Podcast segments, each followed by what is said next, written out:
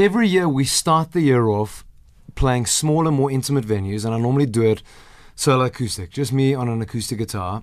And I've been doing this for 10 years, and I couldn't do it anymore. It's like it's a, it was a lot of fun, but I was I was over it. I'm tired of it. So I thought my first love is electric guitar playing. Um, obviously, the band is, is a lot bigger and louder, and you need to be in bigger venues.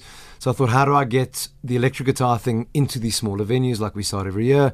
So I came up with the concept of this electric duo tour, which is my keyboard player Dean joins me on piano.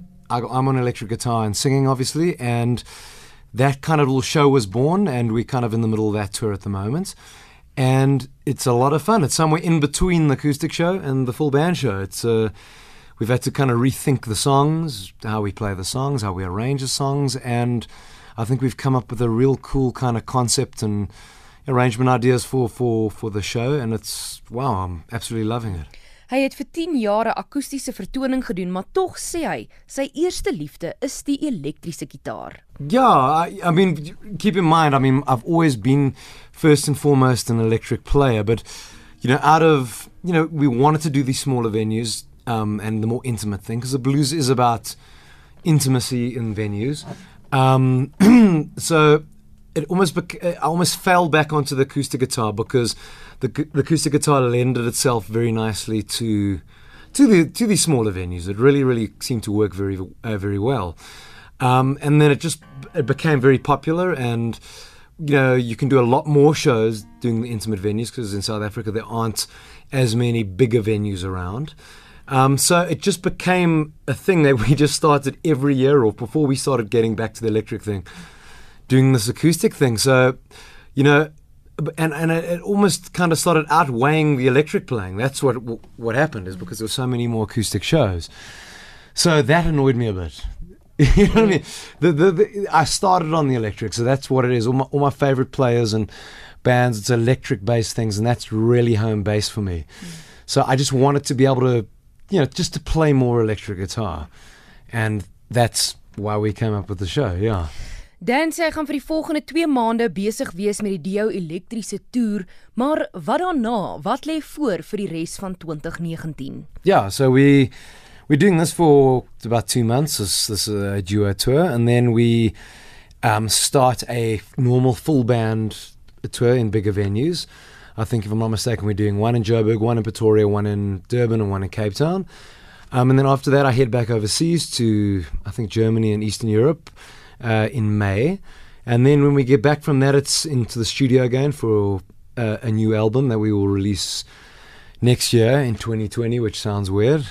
It's already 2020. yeah, that's insane. You know, um, so we yeah we back in studio. So that's, uh, you know May. I mean June, July will be um, and August will really be focused on that. September more full band touring in South Africa, and then I've got a big European tour coming up in October, November um, all over Europe and all over the UK. And then coming back to finish off the year in South Africa again with the band and yeah, that's that's the year. So as hel beplan om in die middel van die jaar ateljee toe te gaan om op te neem, beteken dit daar is reeds baie materiaal. Yes and no. I mean, I think there's a lot of ideas at this point. I don't think any of them are complete songs yet. But, you know, I think, you know, the, the main thing is we've got strong ideas because that's the part that normally, I suppose, hinders you when it comes to going into studio again if you've got good ideas for yeah well strong ideas. So we've got all the ideas. Some are closer to songs than others but i mean you know in between touring over the next few months all of those will eventually become songs. Um, and you know so i've got a bit of time still just because it's it's it's july. That's when we're kind of focusing that it's studio time. So i've got a little bit of time still.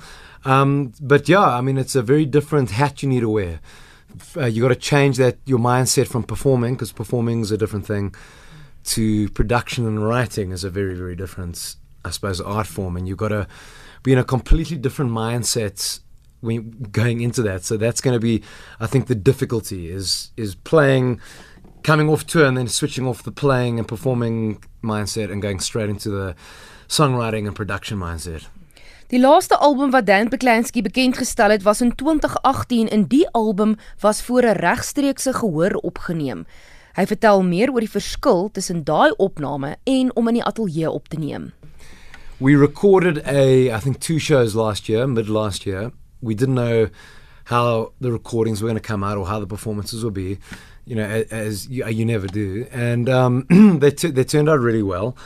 And, you know, you, are not worrying about it. So you're kind of looking at it at the end, going, is this something we can release? And, and it was. So, you know, the live thing's important, especially in the blues genre, because a lot of stuff happens live that is virtually impossible to capture in a studio because you know it's it's a lot about the energy you kind of draw from a, a live audience and that kind of I suppose takes you to different places musically.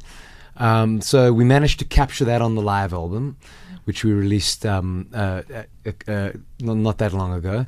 But you know the studio thing, you got to kind of approach it very very differently. You got to go in with you know the song being the most important thing um, and then the production of the song, how you want the song to come across. And last but not least is the actual performance of it. You know, you got to nail those first two things first and then the performance. And the performance is the hardest thing because you're performing in a cold studio with no audience, you know, just, you know, an engineer you've hired to engineer it. Um, it's, it's tough. It's, it's tough to bring, to get that soul across, you know, especially in the genre. So you you've just got to kind of approach it quite differently.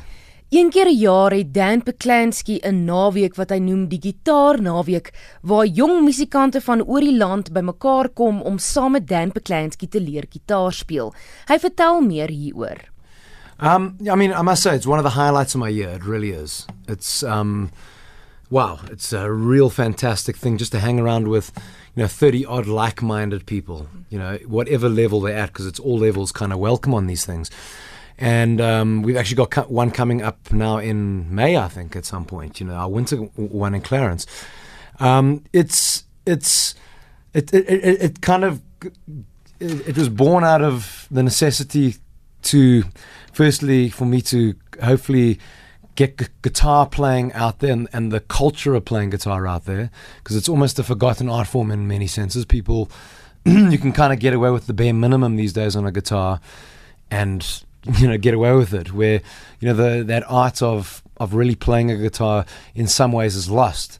Um, so it, that's where it it was born. It was that necessity and um, it's it's you're right it's important it's it's to, to especially the younger generation. It's to to to show to to get them to love the guitar and get them to love guitar music and get them to love music in on a far deeper level than just saying, "Oh, I like that song." Is why do you like that song? You know what I mean? It's it's all all the bits and bobs and. So, so that's really for me the the the, necess- the necessity for the guitar week and what I love, and it's the highlight of the year for me. It really is. It, it's I love I love teaching what I love. Yeah. And and that's a cool thing. And the growth I've seen in a lot of repeat offenders who come to the guitar weekends, it's incredible. You can see the young guys that really work on it and work, work on the right things, and they come back a, a year later completely different guitar players. Just because all, all the guitar weekend is just steering someone in the right direction. That's all it. Mm. That's all it is, and um, it's incredible to see the growth. And we actually last weekend in, in Cape Town on this this electric duo tour, we I had one of the a young guy, 15 years old who came and joined us on a song. And you know, he, he, when he first came to one of the, the his first guitar he, he could hardly play. And this is just in 3 years how he's just managed to grow and progress as a musician. Die legendariese bluesmusikant Walter Trout van Amerika het vir Dan Peklansky genooi om saam met hom te toer hierdie Oktober. Hy vertel meer daaroor.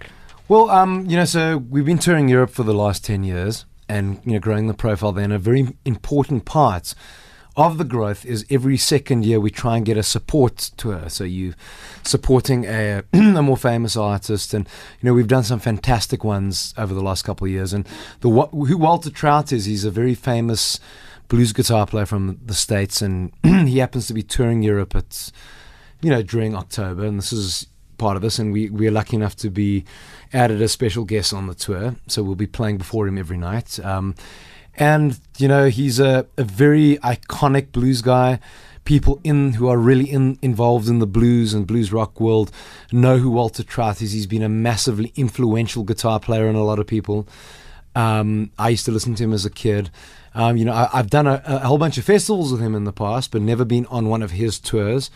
And it's just a way of once again expanding my audience, you know, because he's playing to far bigger audiences, playing to, in far bigger venues, you know, especially in the UK and places like that. And to tap into that, it's a it's a real blessing mm. because you you know you if you tap into five percent of that audience, you know that can kind of you know it really helps because you're getting more and more. You, your your profile and your following is just growing every time you do one of these support tours. And in the past, when we've done, you know, Joe Satriani or Joanne Shaw Taylor or whoever it is, um, it's really made a massive difference when we go back the next time and do our own headline tour, you know, in, in Europe and the UK. We see um, a big difference in the numbers coming to the shows just from that one support tour. Ja. Soos elke musikant is dit belangrik om aktief te wees op sosiale media en as jy graag vir Dan wil volg om te hoor waar hy volgende gaan optree, nou moet jy luister. Yeah, so the the the best place to go is the website which is danpatlansky.com. But uh, obviously, we're on all the social media uh, platforms. Twitter is at Dan Patlansky, Instagram is at Dan Patlansky, and Facebook is Dan Patlansky Music. And all the dates and all the info is on all those platforms, yeah.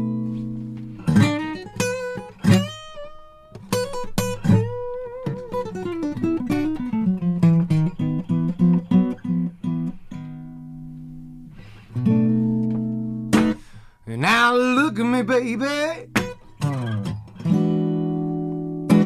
What have you done to me? Yeah?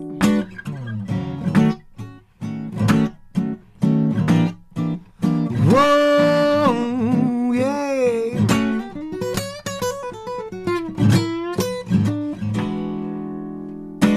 Now look at me, baby.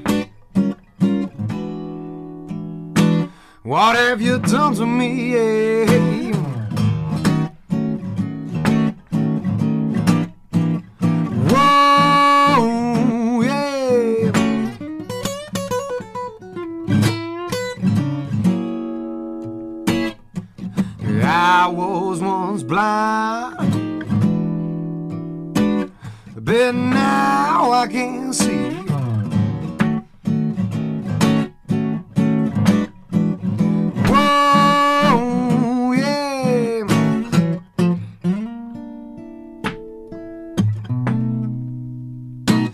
Are you been like yeah?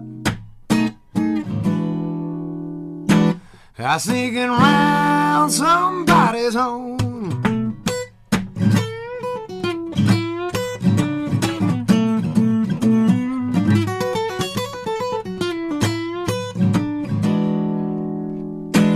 Are you been cheating like yeah? I sneaking round somebody's home. Whoa, yeah.